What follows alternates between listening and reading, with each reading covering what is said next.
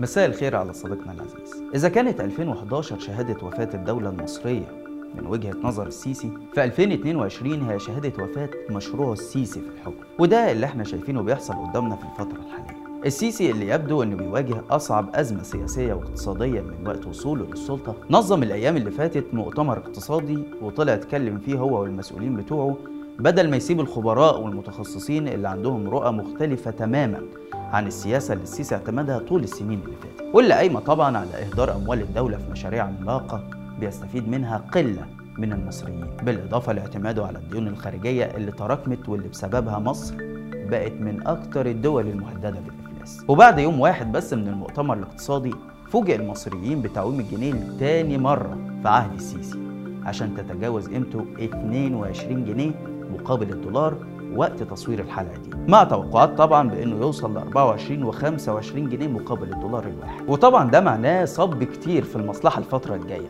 أسعار السلع والخدمات هترتفع بشكل جنوني أكتر من اللي حاصل دلوقتي. قيمة الفلوس ومدخرات المصريين هتنخفض زي ما حصل في 2016 مع التعويم الأول اللي ارتبط هو كمان بقروض صندوق النقد الدولي. والمضحك إن السيسي استبق قرار التعويم برفع الحد الأدنى للاجور 300 جنيه بس. عشان يرتفع من 2700 ل 3000 جنيه وادى 300 جنيه علاوة كمان استثنائية للعاملين في الدولة لمجابهة غلاء المعيشة بس تاني يوم بقى غلى هو المعيشة على المصريين بنسبة تفوق ال 300 جنيه أربع أو خمس مرات. السيسي اعترف لأول مرة إن الأشقاء والأصدقاء في دول الخليج أصبح عندهم قناعة إن مصر مش هتقوم تاني، وإن الدعم اللي قدموه على مدار السنين اللي فاتت كون عند الإدارة المصرية ثقافة الاعتماد. وبعدين قام قايل كلمة غريبة جدا. لما حكى وقال إن لما بتحصل أزمة في مصر ويجي يكلمهم بيقولوا له ما تسافر. يعني اهرب أنت وسيب البلد لحد تاني يحاول يديرها أو يحكمها بطريقة مختلفة. حتى الأشقاء والأصدقاء. أصبح لديهم قناعة بأن الدولة المصرية غير قادرة على الوقوف مرة أخرى وأن الدعم والمساندة عبر سنوات شكل ثقافة الاعتماد عليها. لدرجة إن لما كان حد لما يلاقوا في مشكلة موجودة قوي في مصر يقول لك إيه طب ما يسافر.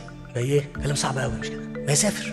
خلاص الناس ساعدت كتير قوي بقى لها سنين بتساعد. مش بس دول الخليج اللي السيسي اشتكى منها ده كمان انتقد مؤسسات الدولة وطلب منها بشكل صريح إنها تدعمه واتكلم بالتفصيل أكتر عن الأزهر وكشف لأول مرة إن شيخ الأزهر وهيئة كبار العلماء قالوا له إحنا مش عايزين نكون بنأيد السلطة. وطبعا انتقد فكرة إن مؤسسة زي الأزهر تكون مستقلة. السيسي هاجم كمان رجال الأعمال والمستثمرين اللي بيشتكوا من تدخل الجيش والأجهزة السيادية بسبب سيطرتهم على الاقتصاد. وتحت ضغط الأزمة الحالية قال لهم تعالوا خدوا شركات الحكومة وشركات الجيش والمستشفيات والمدارس على أساس إنه يتم إدارتها بشكل استثماري بس بشرط ياخد نصيبه من الأرباح. وطبعا كعادته منسيش ينتقد الشعب ويتكلم عن الزيادة السكانية. والأب اللي بيخلف أربع أولاد مع إنه هو نفسه سبحان الله عنده أربع أولاد واتكلمنا عنهم في الحلقة اللي فاتت وعن الأدوار اللي بيلعبها محمود وحسن ومصطفى في الأجهزة السيادية. ده غير بقى أنه أنكر حق المواطن في أنه يحصل على حقوقه الأساسية المقررة في الدستور وعلى رأسها التعليم والصحة. وقال بشكل صريح إن الدولة مش دورها الإنفاق على الأسر. وطبعا أنت هنا ما تبقاش فاهم أمال الدولة دورها إيه. يعني لو الدولة مش هتدي للمواطن أي خدمات ولا هتصرف عليه. أمال المواطن بيدفع ضرائب ليه؟ وهو مين شغال عند التاني؟ يعني المواطن شغال عند الحكومة ولا الحكومة هي اللي المفروض تكون شغالة عنده؟ إذا يبقى مؤسسات الدولة لابد إنها تساعدني في كل إجراء مش طبقا لقناعاتها لا طبقا لفهم واسع. ده المؤسسات لما بتكلم معاهم في المواضيع ديت ونبقى يا بس ما تدخلش الدين معانا عشان يعني إيه يعني ما يتقالش إن إحنا مع الحاكم يعني. السيسي وجه انتقاداته للجميع باستثناء طرف واحد بس هو الجيش اللي تعمد يحييه بشكل مبالغ فيه. وطبعا ده يدل على خوف السيسي من الانقلاب عليه أو إنه زي ما قادة الخليج ما بيقولوا له سافر فوارد إن قادة الجيش يجوا في لحظة ويقولوا له هم كمان نفس الكلمة. وده حصل مع مبارك نفسه وقت ثورة يناير. مبارك اللي حكم مصر 30 سنة وكان عنده ظهير سياسي بيتمثل في الحزب الوطني وكان معاه رجال الأعمال ده غير الدعم الإقليمي اللي استمر حتى بعد تنحيه. فما بالك بقى بالسيسي اللي مش معاه أي حاجة من دي ومعتمد فقط على تأييد الجيش. أنا بحييك وبحيي الجيش. طب بقول كده ليه؟ عشان أنا منه؟ لا والله العظيم. هل ممكن الجيش يبيع السيسي؟ وهل يبحث السيسي عن خروج آمن؟ ده اللي هنحاول نعرفه معاكم في حلقة النهارده. أنا عبد الرحمن عمر وده برنامج الحكاية.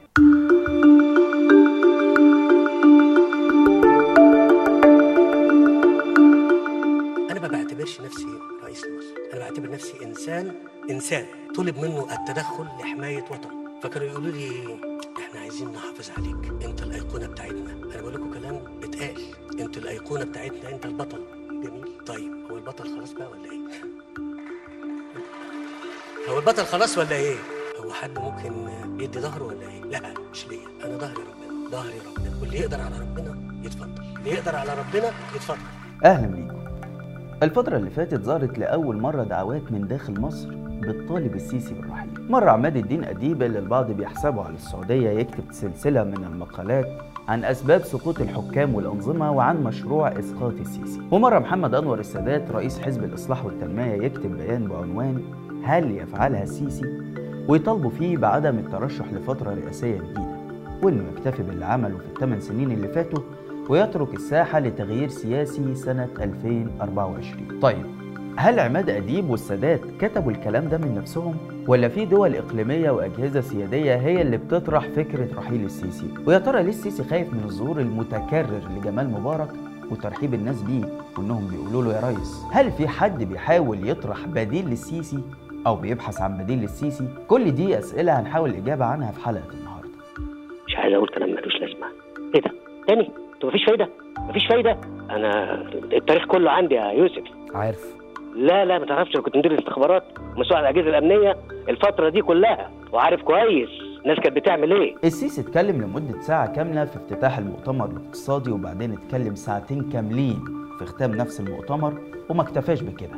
لا ده عمل مداخلة في نفس اليوم لمدة ساعة ونص مع يوسف الحسيني اللي عيني فضل واقف على رجله طول المكالمة. ملخص كلام السيسي في كل حواراته دي هو إن إحنا في أزمة كبيرة مش أنا السبب فيها ولا هكون ضحيتها. أنا البطل والأيقونة اللي أنقذتكم في 2013 أنا اللي قضيت على الإخوان. أنا اللي أنقذت مصر من الإرهاب. كان ممكن أعيشكم في ظروف حرب وأقول لكم لا صوت يعلو فوق صوت المعركة. ومحدش يقول لي عايزين اقتصاد قوي ولا تعليم محترم ولا خدمة صحية تليق بالمواطن. لولا يا مصريين كان زمانكم بتتدبحوا في الشوارع. الراجل قال كده نص وبعدين أنتوا نسيتوا 2011 ولا إيه؟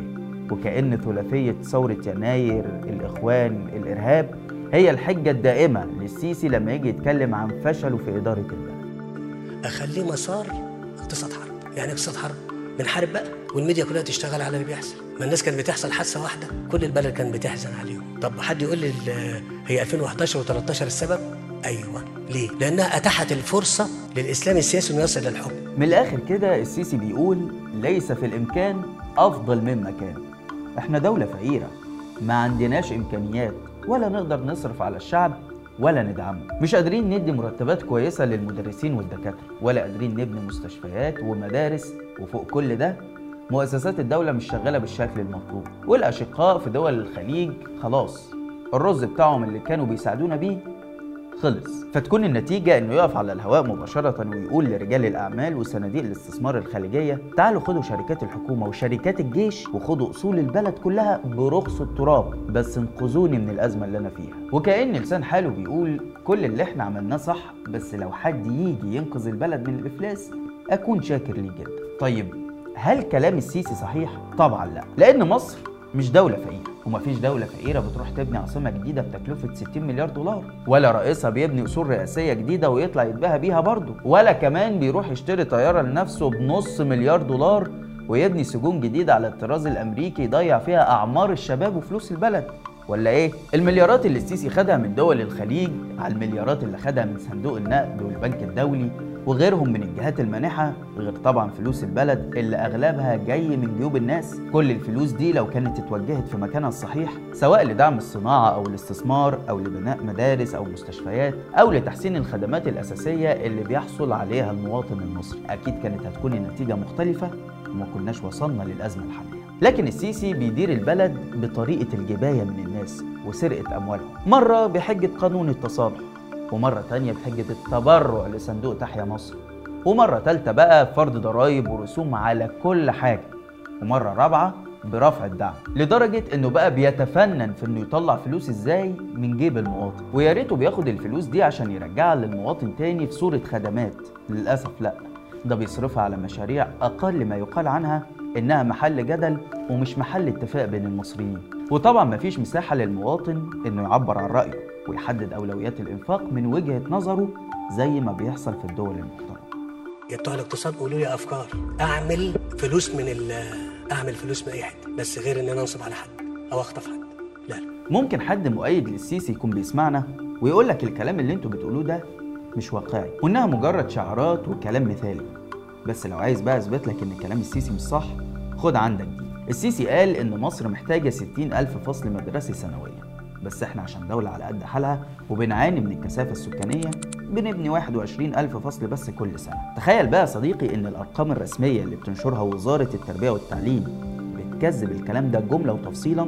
أنا بقول لك أهو كلام رسمي. وبتقول إن من 2014 لغاية النهاردة إحنا بنينا أقل من 48 ألف فصل مدرسي. يعني متوسط 6000 فصل مدرسي في السنة. فلما تشوف تكدس الطلبة في الفصول أو الطلبة اللي قاعدين على الأرض عشان مفيش ديسكات يقعدوا عليها ما تستغربش. نفس الكلام ينطبق على المستشفيات. السيسي قال إن عدد الأسرة بتغطي حوالي 50% بس من المطلوب.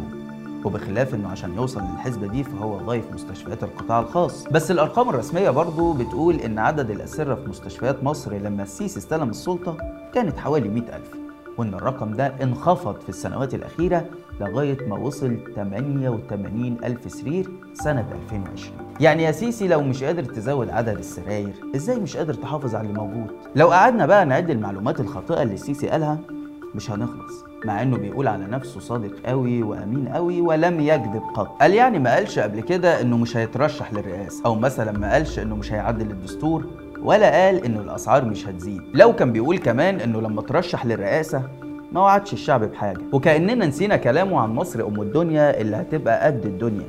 أو نسينا إنه قال أنا جاي أغني الناس وأنا ببني دولة جديدة. ده أي حد لو رجع بس سمع خطاب ترشحه وهو لابس البدلة الميري هتلاقيه بيقدم وعود ما حققش منها أي حاجة. وعرضت لكم قبل كده كلامه عن الديون قبل ما يمسك السلطة لما كان بيقول هو ده اللي هنورثه لأولادنا وبعدها سبحان الله الديون اتضاعفت في عهده أربع مرات على الأقل وبقينا من أكتر الدول المستدينة في العالم كله. طب أنا بقى جيت في الحملة بتاعت 2014 قلت لكم أنا لها أنا لها؟ لا. اديتكم وعود آه، جميلة؟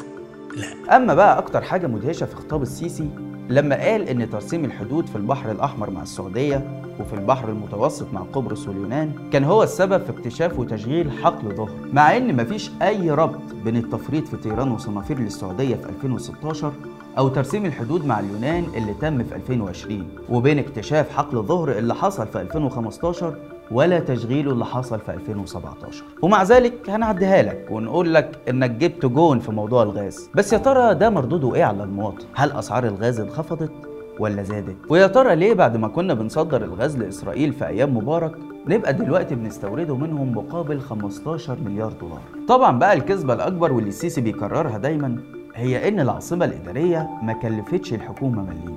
وإن تكلفتها جاية من خارج الموازنة العامة مع إن أسهم شركة العاصمة موزعة على ثلاث هيئات كلها حكومية. هيئة المجتمعات العمرانية جهاز مشروعات الأراضي جهاز الخدمة الوطنية. وآخر اتنين دول تابعين للقوات المسلحة. هل علشان الهيئات دي كل واحدة فيهم لها موازنة مستقلة ولا تخضع لرقابة البرلمان فنقوم نعتبر إنها مش جهات حكومية؟ الحقيقة إن خطابات السيسي الأخيرة بتمثل شهادة وفاة لمشروعه في الحكم. وإعلان لفشله في إدارة البلد. السيسي خد فرصته كاملة. 8 سنين بيحكم مصر بلا رقابة ولا حساب. اجهزه الدولة معاه. الجيش والشرطة والقضاء والإعلام معاه. الدعم الخارجي معاه. رجال الدين معاه. رجال الأعمال معاه. كل الناس معاه. ومع ذلك فشل بامتياز في إنه ينهض بمصر. بل بالعكس تلت المصريين بقوا تحت خط الفقر. ومع طبعا قرارات التعويم الجديدة أكيد النسبة دي هتزيد. أغلبية الشعب بقوا بيعانوا من الظروف الاقتصادية والمعيشية. ومع ذلك لما بيتكلم عن إنجازاته أول حاجة بيقولها هي إنه رفع الدعم عن الناس وصعب عليهم حياتهم. لما قرر ياخد قروض من صندوق النقد الدولي سنة 2016 ويعوم الجنيه عشان ندخل في متاهة لسه لغاية النهارده مش عارفين نخرج منها. السيناريو بقى كان تكملته إيه؟ لو الشعب رفض المسار قلت كده برضه. قلت على طول الحكومة تقدم استقالتها الخميس وأنا هدعو الانتخابات رئاسيه مبكره السبت.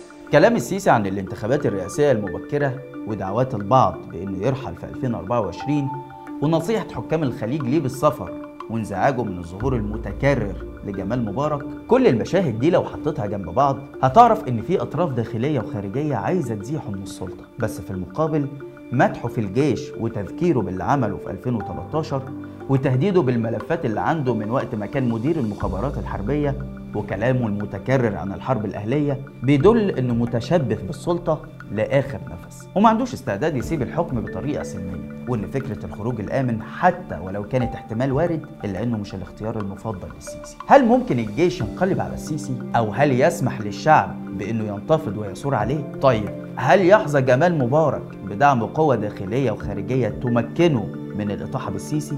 الحقيقة كل دي أسئلة محدش يمتلك إجابات محددة ليها. بس الأكيد إن مصر في أزمة وإن الكل بيدور على بديل لنظام الحكم الحالي اللي ثبت فشله وكتب بنفسه شهادة وفاته. بس كده. في النهاية حابب أشكركم على التفاعل الكبير مع البرنامج والقناة وعندي ليكم خبر حلو الأسبوع ده وهو إننا عندنا 50 ألف مشترك. ممتن جدا لكل المشتركين في القناة والمهتمين بنوع المحتوى اللي إحنا بنقدمه. وأوعدكم إننا دايما نكون عند حسن ظنكم وإن المحتوى اللي بنقدمه يكون بيمثل إضافة ليكم. بس كده.